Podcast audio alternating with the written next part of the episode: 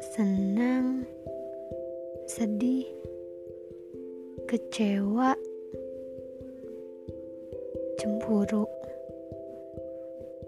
Kadang marah juga tidak terlampaui.